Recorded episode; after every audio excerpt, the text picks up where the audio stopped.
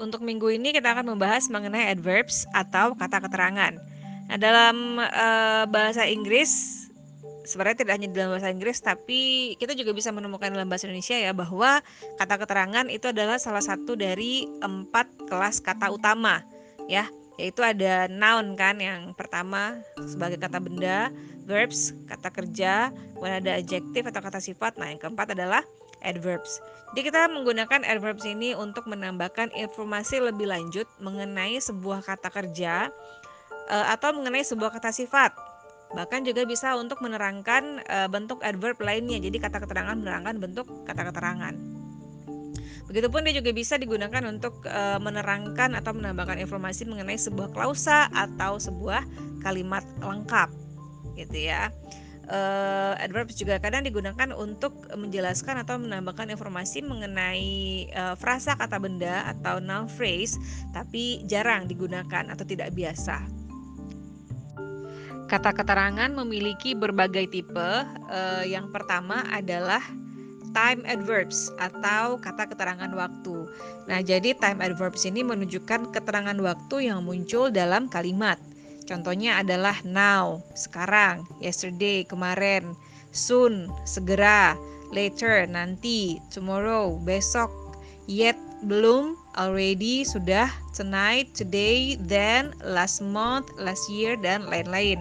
Jadi eh, bentuk-bentuk time adverbs ini sudah pasti memberikan uh, kita gambaran bahwa kapan si kejadian atau pokok utama dalam kalimat tersebut terjadi. Contoh dalam kalimatnya adalah I am going to hang out with my friends tomorrow. Saya akan ngumpul dengan teman-teman besok. Nah, jadi ada kata tomorrow atau besok sebagai bentuk uh, adverbs of time-nya.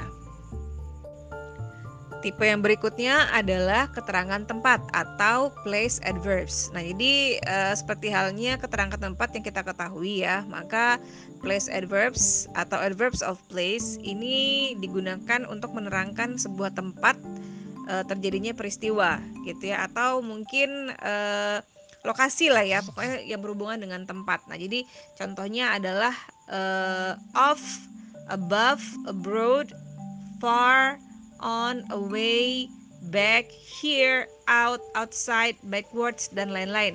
Jadi uh, apa pun nanti yang bisa menerangkan bentuk posisi atau lokasi gitu ya. Jauh atau far, abroad di luar negeri, above di atas, back di belakang, here di sini, out di luar, outside di luar, backwards mundur, behind di belakang. Uh, kemudian yang lain contohnya seperti where di mana, everywhere di mana-mana, anywhere di mana saja, nowhere tidak di mana-mana dan lain-lain. Oke. Okay? Nah, itu adalah eh, bentuk-bentuk dari place adverbs atau kata keterangan tempat. Nah, biasanya place adverbs ini diletakkan setelah kata kerja utama gitu ya. Atau kalau tidak, dia juga bisa diletakkan setelah klausa yang mereka eh, terangkan oleh si place adverb ini. Maka contohnya adalah dalam kalimat ini ya. His children go everywhere with him. Anak-anaknya pergi ke mana pun dengannya. Nah, ada kata everywhere. Maka everywhere itu akan e, menerangkan e, kata kerja go, gitu kan? Karena tadi kan dia diletakkan setelah kata e, kerja utama. Maka kata kerja utamanya adalah go. Kata keterangan tempatnya adalah everywhere. Nah, untuk contoh kalimat yang uh, menyatakan bahwa si place of adverb place adverbs ini uh, bisa memodifikasi sebuah klausa ya atau menerangkan sebuah klausa. Contohnya adalah she started work here last May. Maka klausa utamanya kan adalah she started work here. Dia mulai bekerja di sini. Apa kemudian keterangannya? Uh, last May. Gitu ya. Maka last May itu adalah bentuk klausa yang menerangkan she started work here. Maka ada kata here sebagai bentuk place of adverbs-nya.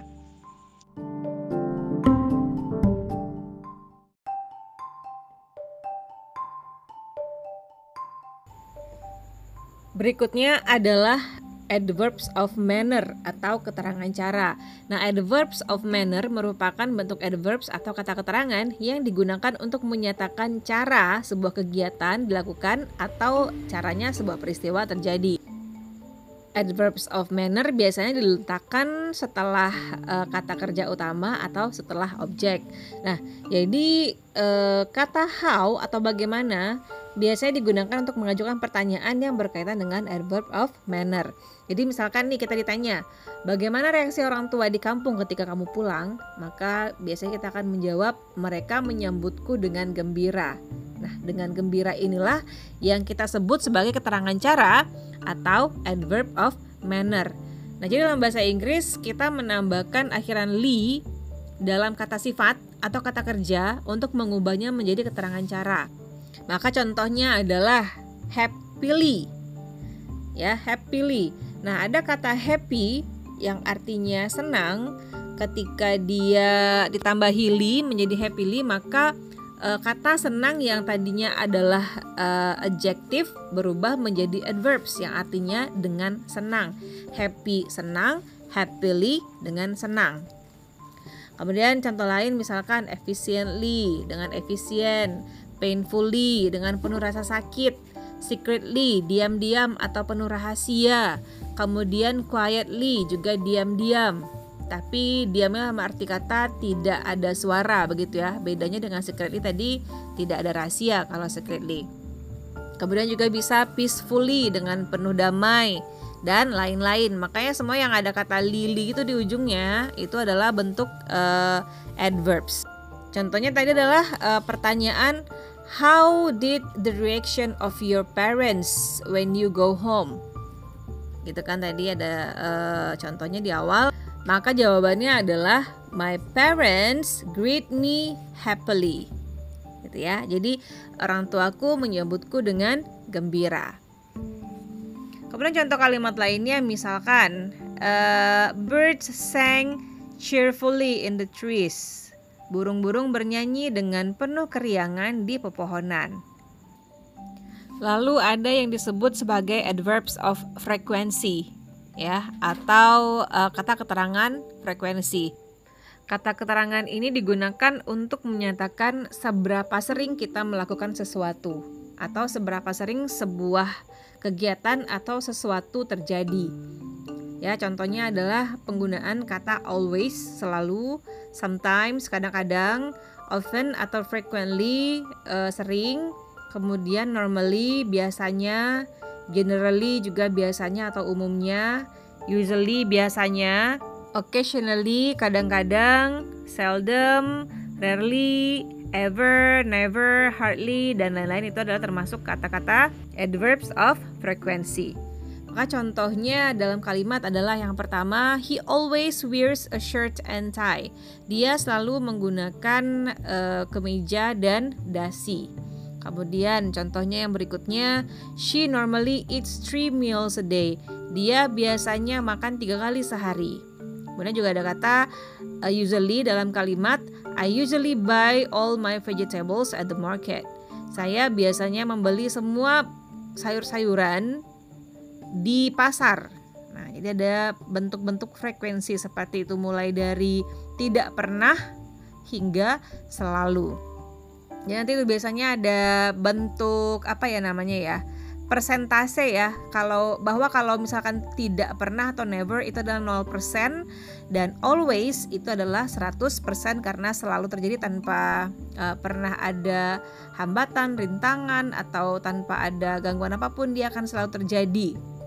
Misalnya dalam kalimat uh, I always eat breakfast every day. Nah, ada kata always di situ maka dia tidak pernah ketinggalan sarapan setiap hari seumur hidupnya. Nah, kira-kira seperti itulah ya. E, bahwa sarapan itu kemudian menjadi kegiatan sehari-harinya yang tidak pernah terlupakan atau tidak pernah ketinggalan. Makanya dia menggunakan kata always.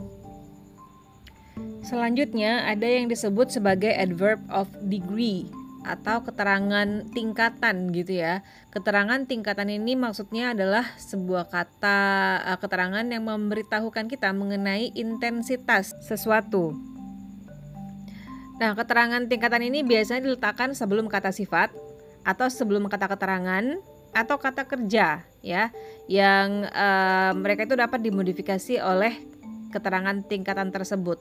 Contoh-contohnya adalah kata-kata to, uh, juga enough, cukup, very, sangat, extremely, sangat yang levelnya di atas very, dan lain-lain. Maka contohnya dalam kalimat adalah yang pertama, uh, he was quite agreeable to accepting the plan. Dia sangat setuju untuk menerima rencana tersebut. Atau ada lagi kalimat lain contohnya I'm not absolutely certain I posted it. Yang artinya saya benar-benar tidak yakin bahwa saya mempostingnya. Nah, jadi ada kata absolute ya yang artinya sangat uh, atau sesungguhnya maka ketika dia berubah menjadi bentuk kata keterangan yaitu absolutely bisa dikatakan bahwa uh, keterangan tersebut menyampaikan 100% mengenai pernyataan yang dimaksudkan dalam kalimat. Lalu tipe adverbs yang berikutnya adalah evaluative adverbs atau kata keterangan evaluasi. Nah, jadi kata keterangan evaluasi ini digunakan oleh pembicara untuk memberikan komentar atau memberikan opini mengenai sesuatu. Jadi kalimat tersebut nanti akan memberikan opini dari siapa yang menuliskan atau si speakernya tadi, gitu ya. Dan evaluative adverbs itu akan memodifikasi atau e, memberikan keterangan terhadap keseluruhan klausa secara umum, gitu ya. Adverbs of evaluation ini sendiri memiliki beberapa jenis ya atau beberapa tipe yang bisa diklasifikasikan berdasarkan kepada fungsi mereka masing-masing. Nah, eh, ada yang memberikan informasi mengenai eh, seberapa yakin si speaker mengenai suatu hal atau ada juga yang bisa mengekspresikan sikap atau attitude seseorang atau si speaker terhadap sesuatu ya baik itu eh, bentuknya negatif ataupun positif. Dan ada juga yang digunakan sebagai bentuk uh, judgment atau pertimbangan terhadap apa yang dilakukan oleh seseorang. Gitu ya. Nah, jadi secara uh, lebih dalamnya kita bahas yang pertama adalah adverbs of certainty jenisnya ya yaitu kata kerja kepastian. Nah, jadi kata kerja kepastian atau adverbs of certainty ini digunakan untuk menyatakan seberapa yakin kita mengenai sesuatu Nah, contoh bentuk-bentuk dari adverbs of certainty ini adalah apparently, clearly, definitely, doubtfully, doubtlessly, obviously, presumably, probably, undoubtedly, dan lain-lain. Jadi misalkan uh, contohnya adalah clearly itu sangat jelas, dengan jelas sekali. Kemudian obviously sangat jelas juga artinya. Uh, kemudian contoh lain probably kemungkinannya Nah, jadi bentuk antara tidak mungkin hingga sangat yakin itu adalah bagian dari adverbs of certainty. Contohnya, David is clearly unhappy to be here. Sangat jelas sekali bahwa David tidak senang berada di sini. Nah, jadi ada kata sangat jelas sekali. Atau obviously we don't want to spend too much money. Sudah jelas kita tidak akan ingin untuk menghabiskan banyak uang. Ini ada kata obviously atau sudah jelas. Itu bentuk dari adverbs of certainty. Yang kedua bagian dari evaluative adverbs adalah adverbs of attitude atau kata keterangan sikap. Ya, kita bisa menggunakan uh, adverbs of attitude ini untuk memberikan apa ya istilahnya ya uh, keterangan mengenai sikap kita terhadap sesuatu yang sudah jelas. Maka contohnya adalah astonishingly, frankly, fortunately, honestly, hopefully, interestingly, dan lain-lain. Salah satu contohnya kita ambil adalah honestly atau sejujurnya. Maka contoh kalimatnya adalah honestly, I couldn't eat anymore. Sejujurnya saya tidak bisa makan lagi. Atau contoh lainnya adalah kata hopefully atau semoga yang bisa ditemukan dalam kalimat Hopefully he will reach the top. Semoga dia akan bisa mencapai puncak. Lalu yang ketiga, ada yang disebut sebagai adverbs of judgment atau kata keterangan penilaian. Ya, ngejudge orang itu menilai orang kan gitu artinya ya jadi kita bisa menggunakan bentuk kata evaluative adverbs ini untuk membuat penilaian atau menilai mengenai sebuah kegiatan yang dilakukan oleh seseorang ataupun yang kita sendiri lakukan ya.